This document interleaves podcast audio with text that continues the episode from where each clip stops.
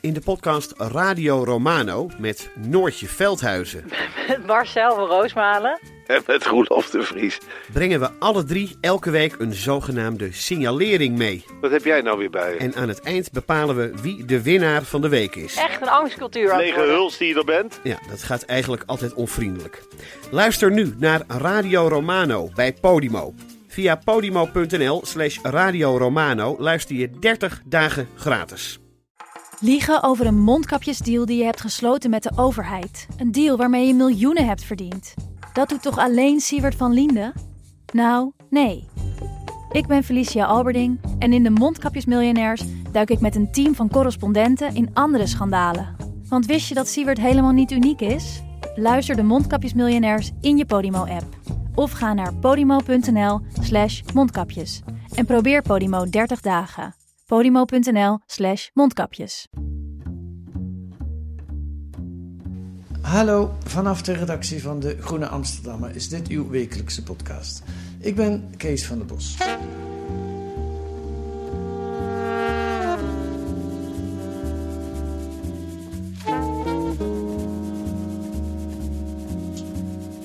We beginnen met een bericht uit het NOS-journaal van december vorig jaar. U kunt het zich vast nog wel herinneren.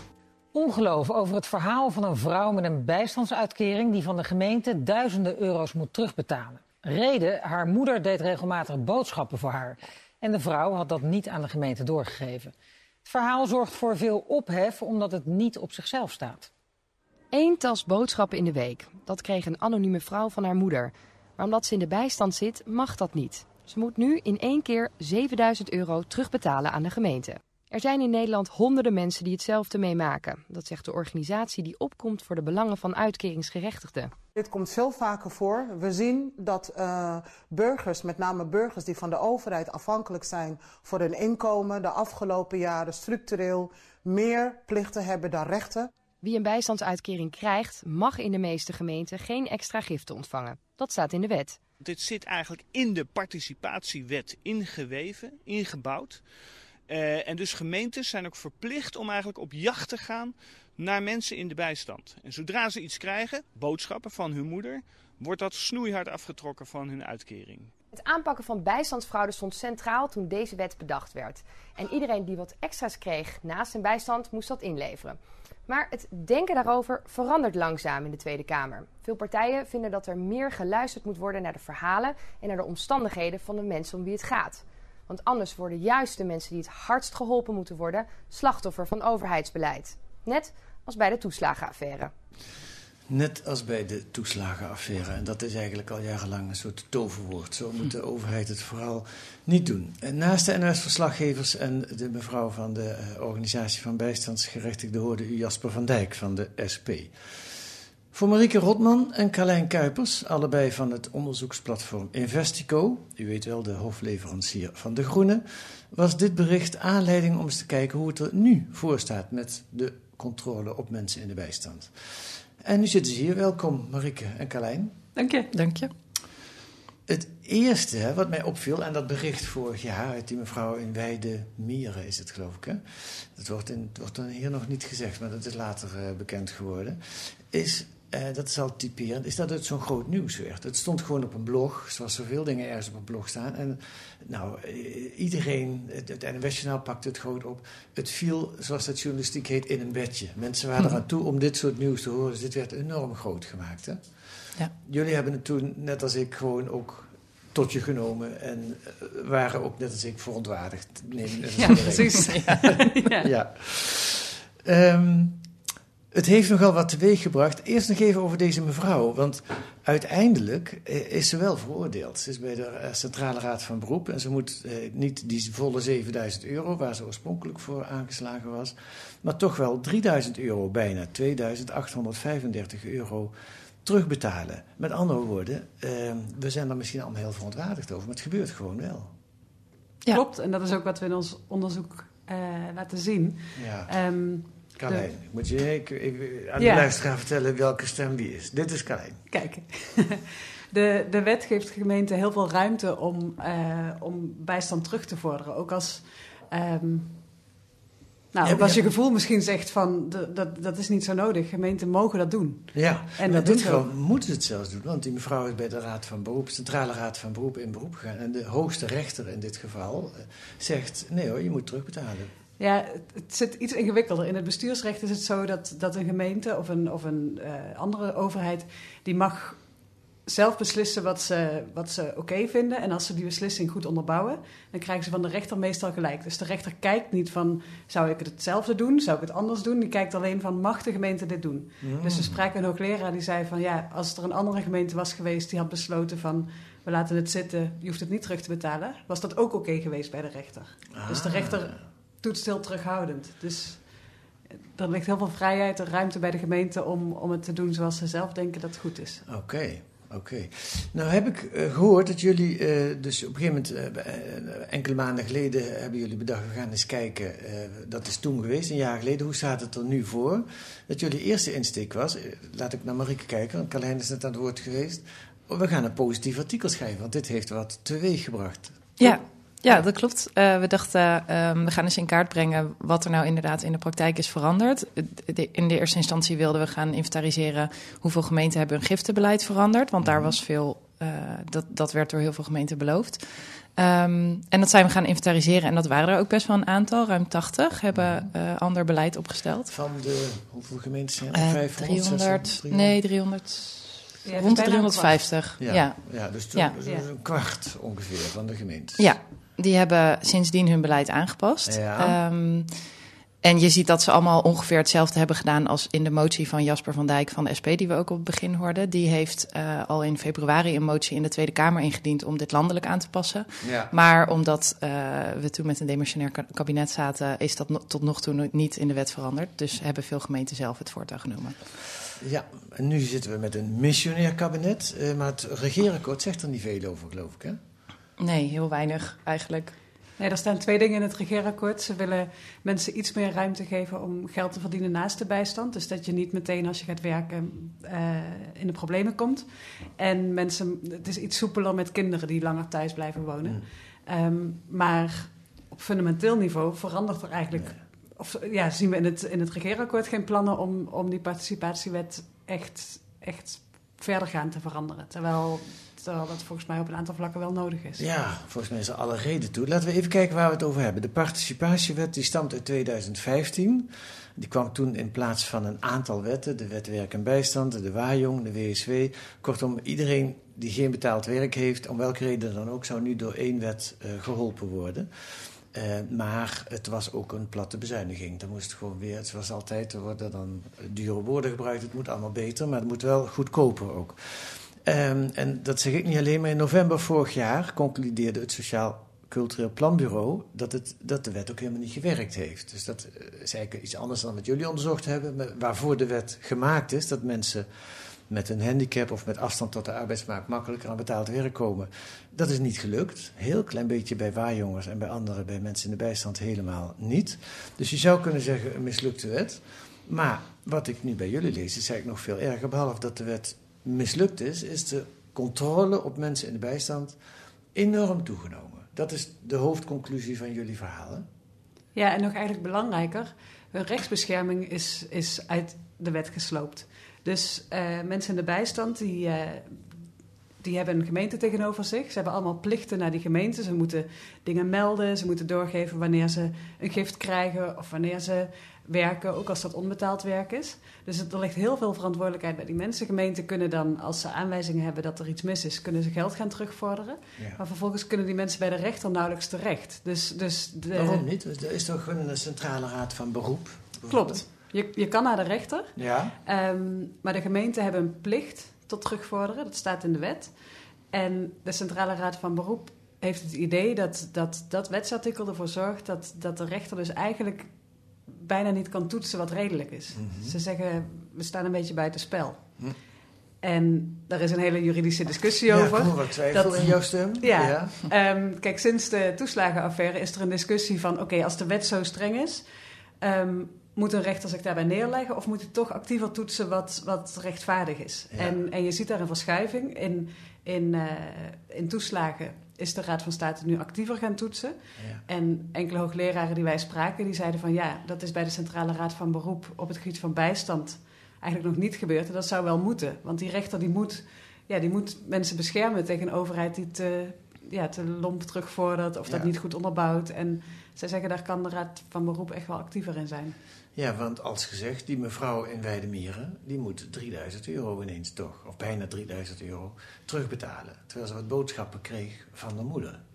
Ja, en het gaat, dat is wel belangrijk. Het gaat dus om mensen die zitten al op het, op het minimumniveau, want ze Ja. leven van de bijstand. Dus ze hebben niet ergens een potje om even die 3000 euro terug te betalen. Ja. Dus ja, veel mensen raken in de schulden hierdoor. We spraken ook een wethouder die zei, ja, dan gaan we terugvorderen en dan zien we mensen terug in de daklozenopvang. Dus het is echt heel ingrijpend en daarom is ook die, die rechtsbescherming zo belangrijk. Gaan we dadelijk ook door, maar even terug naar het begin. Eh, wanneer zijn jullie begonnen met het onderzoek en hoe? Hoe pak je zoiets aan? Ik kijk naar Marike, anders is Carlijn de hele tijd woord. Dat moeten jullie hebben. We zijn begonnen in begin november, eind Ja, denk oktober ik. denk ik. Ja. Ehm, en nou ja, zoals gezegd, in de eerste instantie dachten we misschien wordt het een goed nieuwsverhaal. We gaan kijken wat er veranderd is. Dus we zijn begonnen met het inventariseren van die beleidsregels. Wat is beginnen? Jullie zitten met z'n tweeën bij Investico. Dan ga je eh, aan, aan, aan tafel zitten en dan ga je zeggen, we gaan dit, hoe gaan we dit aanpakken? Hoe, met een leeg vel voor je neus? Ja, het idee kwam van Jan Salde van Eén Vandaag. Die zei, we moeten eens gaan kijken wat er veranderd is. Oké. En vervolgens zijn wij gaan nadenken van, oké, hoe kunnen we dan onderzoeken wat er veranderd is? En we dachten... Nou, en neem ons daarin eens mee, want dan wil je dat gaan onderzoeken. Hoe doe je dat? Nou, we zijn dus het, het- de makkelijkste manier om te kijken wat er in beleid veranderd is, is kijken wat is er in beleidsregels veranderd. Nou, die worden gepubliceerd door gemeenten op, eh, op overheid.nl. Ehm, dus die zijn we in kaart gaan brengen. Ja. Eh, maar we wilden ook weten, heeft dat ook, want het zijn dus best een aantal gemeenten die beleid hebben aangepast. We wilden ook weten, heeft dat ook geleid tot een verandering in de praktijk? Wacht even, er is een site waarop je kunt zien of gemeenten hun regelingen hebben aangepast in deze. Ja, je hebt, dat heet officiëlebekendmakingen.nl en daarop worden ehm, eh, in veel gevallen nieuw eh, beleidswijzigingen of nieuw beleid wordt daarop gepubliceerd. Sinds Ja. juli afgelopen jaar is dat verplicht voor gemeenten om dat te doen. Eh, dus daar kun je een hele hoop vinden van gemeenten die bijvoorbeeld hebben gezegd: we willen nieuw beleid op giften in de bijstand. Ehm, en we stellen bijvoorbeeld 1200 euro vrij. Dat is in veel gevallen zo. Ah, zo kom je aan dat getal van 80 gemeentes die dat gedaan hebben. Ja, dat is een deel. En een deel hebben we gehaald van eh, gemeentelijke websites. Want niet alle gemeenten hebben hun beleid eh, gepubliceerd. Oké. Dat is één ding. Wat, wat, heb, wat, wat heb je nog meer gedaan? Nou, toen wilden we dus ook weten wat, eh, zijn, wat is er gebeurd in de praktijk. Want wordt het ook anders toegepast en leidt dat nieuwe giftenbeleid ook tot verschil? Ehm, toen zijn hebben we een enquête uitgezet onder eh, sociaal advocaten en sociaal raadslieden en sociaal werkers die in gemeenten eh bijstandsgerechtigden bijstaan in, eh, nou, als ze bijvoorbeeld te- in- in conflict komen met de gemeente over een terugvordering. Ja. En we zijn hen gaan vragen in die enquête van... eh, hebben jullie verandering gemerkt in hoe mensen bejegend worden door de gemeente sinds eh Weidemeren? Hebben jullie verandering gezien in hoe streng de gemeente de wet toepast? En hebben jullie verandering gezien in hoe de Centrale Raad van Beroep oordeelt sinds die, sindsdien? Oké, is een kwestie van een hoop adressen verzamelen en mails de deur uit Ja, doen. via de, nou, dat hebben we bijvoorbeeld via de Vereniging voor Sociaal Advocaten gedaan. Ja. Ehm, nou, daar kregen we eh, een hoop respons op. Daar hebben ongeveer iets meer dan 100 eh, mensen hebben daarop gereageerd. En een aantal hebben daarvan ook hun adres achtergelaten. Dus we zijn hen ook gaan nabellen om, om meer te horen over hun ervaringen. En gelijktijdig zijn we gaan kijken naar eh, rechtszaken die bij de Centrale Raad van Beroep hebben gediend. En ehm, via die weg kun je ook zien wie de advocaat is geweest. Dus via die weg hebben we ook advocaten benaderd. En zo zijn we eigenlijk in gesprek geraakt. Ja. En toen begon het beeld een beetje te kantelen van... oh, er is, best, er is in beleid heel veel veranderd, wat positief... naar oké, maar dit is maar een heel klein stukje van het probleem... dat hiermee opgelost wordt. En eigenlijk is het probleem veel dieper en groter. Kun je nog herinneren waar die, dat omslagpunt zat? Dat je, want dus, je bent dus best begonnen met een, eh, een soort goed nieuwsverhaal. Ja, ik denk dat dat kwam toen we die uitspraken van de Centrale Raad van Beroep gingen kijken. Want daar zagen we dat. eh, ja, we lazen die uitspraken en er waren gewoon best wel veel waarin we het gevoel hadden van: God, dat voelt oneerlijk, waarom doet de rechter niks? Dat soort dingen. Ja. En toen gingen we daar advocaten en ook leraren over vragen. En die vertelden ons van ja, ehm, de wet is heel streng en hij wordt heel streng toegepast. En dat is eigenlijk helemaal niet veranderd. En dat is nog veel fundamenteler. Want giften is maar een heel klein stukje waarop mensen in de bijstand ja, de mist in kunnen gaan. Of waar ze Mhm. terugvorderingen op kunnen krijgen. Er zijn heel veel andere velden. Eh, bijvoorbeeld als je we hadden een zanger, die, uh, die trad af en toe op in een, in een café... en daar kreeg je een kilometervergoeding voor en een, een maaltijd... en 10 of 20 of 30 euro of zo. Uh, en hij had dat niet gemeld bij de gemeente. En de gemeente ging als reactie daarop zijn hele bijstand van hem en zijn vrouw over een periode van vier jaar terugvorderen. En uh, dit zijn dus, nou, dit heeft niks met giften te maken, maar dit zijn wel heel flinke terugvorderingen. Wacht even, je verdient uh, enkele tientjes bij. Tenminste, ja, dat zegt hij zelf. Hè? Je weet natuurlijk ook niet helemaal zeker of hij de waarheid spreekt. Uh, nou, dit is, dit is wat hij zei in de rechtszaal. Ja. Um, de gemeente heeft niet ander bewijs nee. aangedragen, maar daar ging het ook niet om. Het ging erom dat ja. hij uh, als zanger optrad. Ja. En dat wordt gezien als iets wat op geld waardeerbare, als een op geld waardeerbare activiteit. Dus de redenatie van de gemeente is: je kan daar geld mee verdienen. En dus moet je het bij ons melden, omdat het van belang kan zijn voor de hoogte van je bijstand. En als je dat niet doet, wat die meneer dus niet gedaan heeft, dan wordt je hele uitkering ja. teruggevorderd. Ja, ja in sommige Kijk, dat hoeft niet. Gemeenten mogen ook zeggen van nou, uh, je hebt nooit 80.000 euro met dat, dat zingen verdiend, we, Ja. we vorderen 5.000 terug. Dat mag. Ja. Maar deze gemeente koos ervoor om, om de bijstand over echt vier jaar lang terug te vorderen. En dan hebben Van we hem en zijn partner. Ja, en dan hebben we het over een bedrag van. Ja, ongeveer 80.000 euro. Dat kunnen ze helemaal niet betalen. Nee. Nee, Eh, hoe is dat verder gegaan, weet je dat? Weten we niet. We hebben, dit, uh, we hebben deze persoon niet, niet kunnen spreken. We hebben zijn advocaat benaderd, maar dat is verder niet gelukt. Ja. Um, dus we weten het niet. Maar bij veel mensen is het zo dat ze, ja, dat ze een betalingsregeling ingaan en 20 of 50 euro per maand aflossen aan de gemeente. Ja. Maar dat, ja, dan ben je wel even bezig. Ja. Maar nog even terug naar het onderzoek. Er zijn dus eigenlijk drie componenten. Je, hebt die, uh, je, kijkt wat de gemeenten voor dingen, regels aangepast hebben. Daar heb je site voor. Je gaat naar de Centrale Raad van Beroep en je leest uh, honderden vonnissen, neem ik aan. Dat is ja. een behoorlijk aantal. En die sociale raadsleden heb je benaderd. Ja. Uh, en, en, en dan kom je via die uh, bronnen, via de Centrale Raad van Beroep en via de sociale raadsleden, kom je ook wat dieper in. De, kom je bij mensen. Jullie hebben ook mensen gesproken, dus deze meneer Zanger niet, maar je hebt bij ja. andere mensen wel kunnen spreken. Ja. ja. Ja. En, en dan zijn er dingen die je... opvallen in, in, uh, in wat bijvoorbeeld de sociaal raadslieden of de advocaten zeggen. Uh, een woord dat heel veel terugkwam was inlichtingenplicht. Dat is dus die plicht om alles ja. bij de gemeente te melden wat, wat je moet melden. En dan ga je daar weer experts over spreken om te vragen van hoe zit dat dan? Um, en er was ook heel veel verwarring van is de wet nou streng of wordt die nou streng toegepast? Dus daar hebben we veel mensen over geïnterviewd. En ja. uiteindelijk krijg je zo een beeld. Ja. En dat beeld is uh, niet. Het lijkt echt een beetje op de toeslagenaffaire. In de zin van mensen die toch al niet tot de sterkere in deze maatschappij behoren, die worden op een, op een keiharde manier uh, ja. aangepakt. Want ja. kijk, ik, de bijstand, ik ben zelf afgestudeerd in de jaren tachtig. ik had het met Sandra Schutte over, die ook uit die, die tijd stamt. Wij zijn ook allemaal in de bijstand terechtgekomen. Want toen had je enorme werkloosheid. Dat was eigenlijk vrij normaal. Als je, naar, als je afgestudeerd was, dan kwam je in de bijstand. Het was toen een vrij feestelijke regeling. In de zin van, officieel mocht er ook een hele hoop niet. Maar ach, uh, als, je, als je een beetje handig was, en, en dan, dan, kwam je een heel eind. En dan speelt natuurlijk ook mee dat wij, ik in elk geval, hooggeschoold zijn. En daardoor, ja, uh, makkelijk. Ik kende soms de regels beter dan de ambtenaar die tegenover me zat, die mij moest controleren, zeg maar. Maar nu, ik vroeg, had ook aan jullie jullie kennen helemaal niemand hè, die in de bijstand zit, zelf, en van je eigen vrienden krijgt. Nee. Dat is nu heel ongebruikelijk. Als ja. je hoger opgeleid bent, dan kom je niet in de bijstand. Wie komen er wel in de bijstand? Dus de, de, de mensen die uh, ja, lager opgeleid zijn. Die echt niet, want het is een krappe arbeidsmarkt, op, die echt niet aan de bak kunnen komen om allerlei redenen.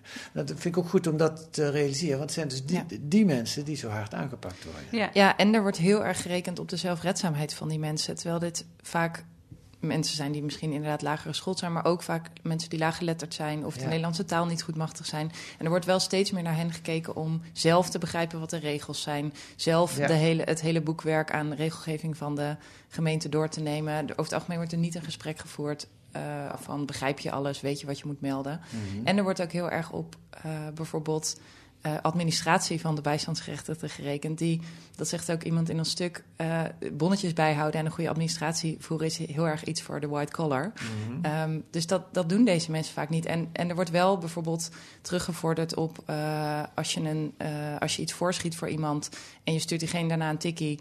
En je krijgt het terugbetaald, dan ziet de gemeente dat ook als een inkomend bedrag Ja. op jouw rekening. En dan moet Ja. je aantonen met het bonnetje van twee jaar geleden Ja. dat jij dat inderdaad in de eerste instantie hebt betaald. Ja, dat kunnen de- die mensen vaak gewoon niet. En, dat zou ik ook niet kunnen trouwens. Nee, en de inlichtingenplicht ligt bij jou als uitkeringsgerechtigde. Als jij dat bonnetje niet hebt, dan ben je in principe verdacht. ja, nou dan ben je een fraudeur, word je, Ja. kan je dan aangemerkt worden. Ja. Geef nog eens een voorbeeld. Iemand die jullie wel gesproken hebben. Dus niet die zanger. Dat, dat, dat is ook een schijnend voorbeeld in je stuk. Maar eh, ik, ik las Charissa, Charissa, ik weet niet hoe ik het uit moet spreken, uit Enschede. Hebben Ja, jullie haar gesproken? Charissa, die heb ik gesproken. Nou, ja. vertel. Ehm, nou, wij vonden haar omdat, we, omdat, ze, nou, ja, omdat ze naar voren kwam in een uitspraak van de Centrale Raad van Beroep. En eh, wat het geval was, zij moest op gesprek komen bij, de, bij het stadskantoor in Enschede, omdat iemand een anonieme tip eh, had gedaan over haar. Zij wist niet wat het was en ze ging naar het kantoor toe en daar ontdekte ze dat dus de gemeente een tip had gekregen dat zij tatoeages zette tegen betaling. En dat, ehm, dat ze daarom dus geen recht op bijstand zou hebben. En eh, ja, die vrouw zei tegen me van... aanvankelijk rook ik helemaal geen onraad. Ik, want ze, ze legde mij uit van... ja, ik, ehm, ik, zet inderdaad af en toe tatoe- tatoeages. Dat komt omdat ik in de toekomst ooit een eigen tatoeagezaak wil. Maar op dit moment kan ik, nog, kan ik het eigenlijk nog niet zo heel goed. En eh, ik oefen af en toe bij vrienden en familie. En daar krijg ik geen geld voor. Ehm, ze had... Ze zat dus in de bijstand en ze had bij een loket bij de gemeente had ze een soort training gekregen van hoe ze de bijstand uit kon komen. En daar was haar gezegd van maak een bedrijfsplan, maak een website. Dan voor die tatoeagewinkel, dan kan je uiteindelijk ehm, nou ja, je eigen zaak starten. Dus ze was een Facebookpagina begonnen, had daar foto's opgezet van haar eigen tatoeages en ehm, ook wat plaatjes die ze van Google had gehaald. En daar schreef ze van, ik vraag 40 euro per uur. Eh, maar dat, ze, mij vertelt ze dat, ze dat het meer was om een soort, eh, ja, om het een soort echte indruk te laten geven. Meer dan dat ze, dat, ja, Ja. dan dat ze er echt geld voor kreeg. Maar, en ze zei dat ze ook, sorry, dat ze aan de gemeente bewijzen kon geven van ik heb er geen geld meer verdiend, ik heb, mensen hebben me niet betaald. Ehm, Neem een slokje. Ja, ik, laten we ik, dat hoor, doen. ik hoor een, een kikker, zoals dat heet. Ehm, maar de gemeente die, die zei van ja, dit, weer, dit zijn op geld waardeerbare activiteiten. Ehm, dus je hebt onterecht bijstand ontvangen. En eh, volgens mij is bij haar iets van 15.000 euro teruggevorderd. En nog een boete. 15.000. Ja, ja. En ook hier van... eh, ja, deze vrouw beweert dat ze er geen geld meer verdiende. De gemeente heeft niet bewijs dat ze er wel geld mee verdiende... maar ze zijn toch dat hele bedrag gaan terugvorderen. En ehm, ja, die vrouw zei, ik wil naar de rechter, want ik denk van, die, eh, die spreekt recht, daar vind ik wel rechtvaardigheid. En dat is dus niet gelukt. Ehm, en ze zei, ja, dat, dat, dat, dat gaf er wel echt een knauw, omdat ze dacht van, ja, dat, mijn vertrouwen in de rechtsstaat is nog wat geschaad. Ja. Ehm, ja. dus dat is een treurig verhaal. Ja, ja. Ehm, nog één interessante man, die voor de rest moeten mensen jullie artikel maar gewoon lezen. Maar één ding vond ik, dat wil ik toch nog wel horen. Meneer Ali Dink, of Dinch, ik weet niet hoe ik het uit moet spreken. Ja, dat Dinch, een, een, een Turkse, van, uit Turkije afkomstige man, denk ik. Marieke, kijk naar jou, of weet je niet? Dat weet ik niet. Oké. Volgens mij wel. Ik, Heb jij hem gesproken ja. of Marieke? Oh, Ik nou, heb vertel. sorry. Ja, nee, ja. Had ik, moet ik maar iets anders vragen, ja. Ehm, ja, die vonden we eigenlijk per toeval. Want dit was een, eh, deze man werkt als advocaat en die staat bijstandsgerechtigde bij. In Rotterdam, hè? Precies. Ja. ja, en ik mailde hem omdat ook weer over een zaak. ehm, en ik dacht, eh, kunnen we daar even over praten? En hij belde me echt binnen een half uur terug. En hij zei, ja, ik wil graag praten. En ik heb nog wel wat meer te vertellen. Want ik heb eh, iets van 16 jaar bij de gemeente Rotterdam gewerkt. En ehm, ja, was daar jurist en ik moest dit soort, dit soort zaken voeren. Eh, dus dat was, dat was heel interessant. Ja. Want die kon dus een, een kijkje ja, binnenin geven van hoe dat bij gemeenten gaat. Hij zat aan de andere kant. Hij Ja. was geen sociaal rechercheur, maar hij moest wel die zaken voor de Centrale Raad van Beroep Ja, hij, hij vertegenwoordigde dus steeds de gemeente bij, eh, bij de rechter. Ja. Ja. En ehm, ja, wat hij vertelde is dat er, dat er echt ja, bij de sociale recherche, dat is dus een afdeling van de gemeente die, die moet bijstandsfraude en andere fraude opsporen. Dat daar echt een gevoel heerste van we moeten ze pakken, we moeten fraudeurs vinden. En dat, eh, dat er op, ja, op kleine aanwijzingen of kleine bewijzen eh, flinke bedragen werden teruggevorderd. En hij zei, ja, ik krijg ze dus op mijn bordje als, als mensen bezwaar maken. En hij zei, nou, het was best wel vaak dat het bewijs niet een beetje rammelde. Dat, dat ik niet echt naar de rechter wilde, omdat ik dacht: dit winnen we toch niet, want het bewijs deugt niet. Ehm, dus ja, ik vond dat wel, wel schokkend. Dat hij, uh... hij was eigenlijk ontevreden over de kwaliteit van het werk van de sociale recherche. De bewijzen die ze aanleveren. Ja, ja en hij, hij moest met die bewijzen naar de rechter. En hij zei van soms, soms kan ik dat helemaal niet doen, want uh, dan verliezen we die zaak. Hm. Maar kijk, de zaken komen alleen bij hem terecht als mensen in bezwaar gaan. En we spraken sociaal advocaten en zo, die zeiden van de meeste mensen hebben helemaal niet door dat ze bezwaar kunnen maken of hebben te laat door dat het kan. Dus, dus heel veel dingen komen helemaal niet daar terecht en die worden dan dus gewoon teruggevorderd. Ja, en op de sociale advocatuur is ook flink bezuinigd ja. Eh, de afgelopen kabinetsperiode. Dus daar, ja. uh, dat word je ook niet echt vrolijk van. Um,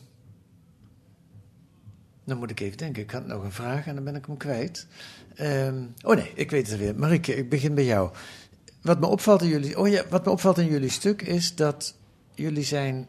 Uh, nou ja, je, beschrijft het als journalisten, maar van de andere kant als lezer uh, voel je de verontwaardiging in je omhoog kruipen. En je, ik, je voelt ook bijna aan, of dat hebben jullie ook gehad, zo hebben jullie het zelf ook ervaren in je onderzoek. En waar jullie vooral een, een, een, uh, kritisch op zijn, is de rechters, valt me op. Um, waarom? Ja, omdat het uiteindelijk um, de taak van de rechter zou moeten zijn om burgers te beschermen tegen onrecht, niet alleen maar onrechtmatige, maar ook onrechtvaardige uh, uit, of, ja, besluiten van de gemeente. Mm -hmm. um, en nou ja, wat, dat schrijven we ook in ons stuk, maar um, na de Bulgare fraude is er gewoon een enorm uh, idee gekomen van we moeten fraude kosten wat kost voorkomen en bijstandstrekkers. En uh, het is gewoon best wel een negatieve publieke opinie overgekomen. Um, en dat benadeelt heel veel mensen die in de bijstand zitten en, en een oprecht foutje maken. Mm. En het is de taak van de rechter om daar eerlijk naar te kijken en, en mensen daartegen te beschermen. Um, en dat, uh, dat hebben ze misschien niet zo goed gedaan als ze hadden kunnen doen. Je, je, je, denkt dat ze meer ruimte hadden kunnen nemen dan ze in werkelijkheid genomen hebben.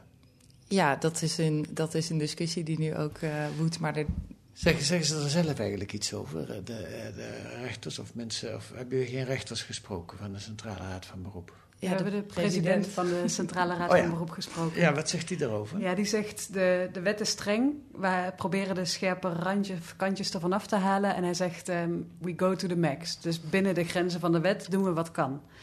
Um, ja.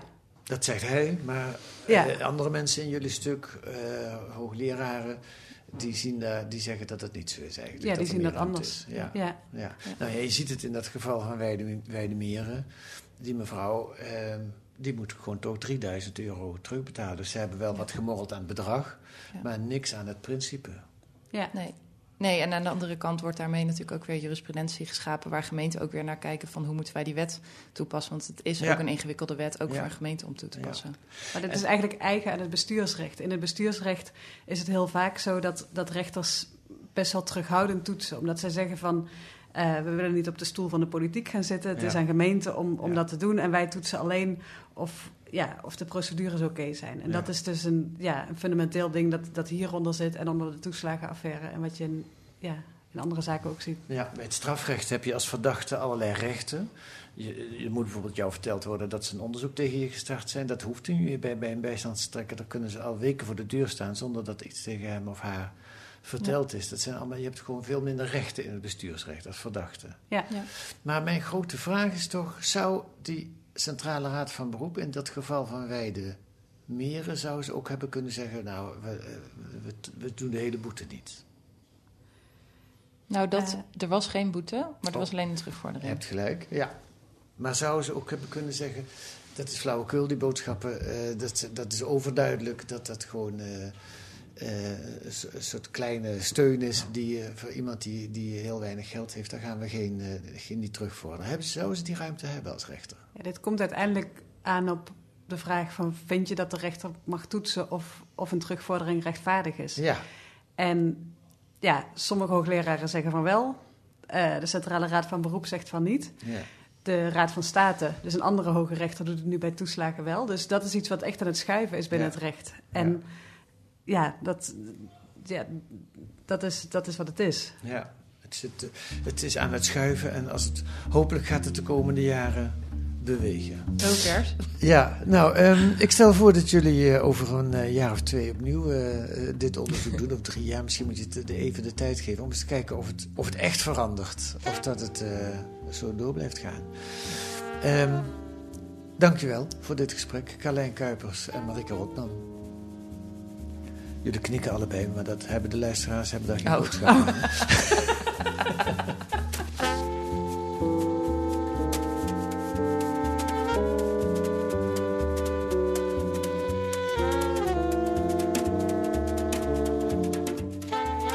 Dat kunt u lezen deze week in De Groene. Wat staat er nog meer in? Een reportage uit de Libische hel. De kunstwacht, kunstwacht, de kustwacht moet dat zijn, van dit Noord-Afrikaanse land laat met steun van Europa migranten verdwijnen in inofficiële faciliteiten. En dan worden ze gemarteld, verkracht en verhandeld. Het kan altijd nog erger dan als bijstandstrekker in Nederland. En een profiel van Edward Said, de schrijver Sinan Sankaya, gaat na welke lessen hij van de Palestijnse denker leerde. Dit in De Groene deze week. Dat kunt u lezen met een abonnement of een proefabonnement. Ga dan naar groene.nl, daar wordt u dat allemaal uitgelegd. U kunt reageren op deze podcast via de mail podcast.groene.nl. U mag ons ook sterren geven in uw podcast-app. Dan weten wij weer waar we staan. En volgende week zijn we er weer met analyses en achtergronden bij het nieuws in deze podcast van de Groene Amsterdammer. Deze week werd gemaakt door Jitka Marks en mijzelf, Kees van der Bos. En de muziek is zoals altijd A Tune for N van Paul van Kevenade.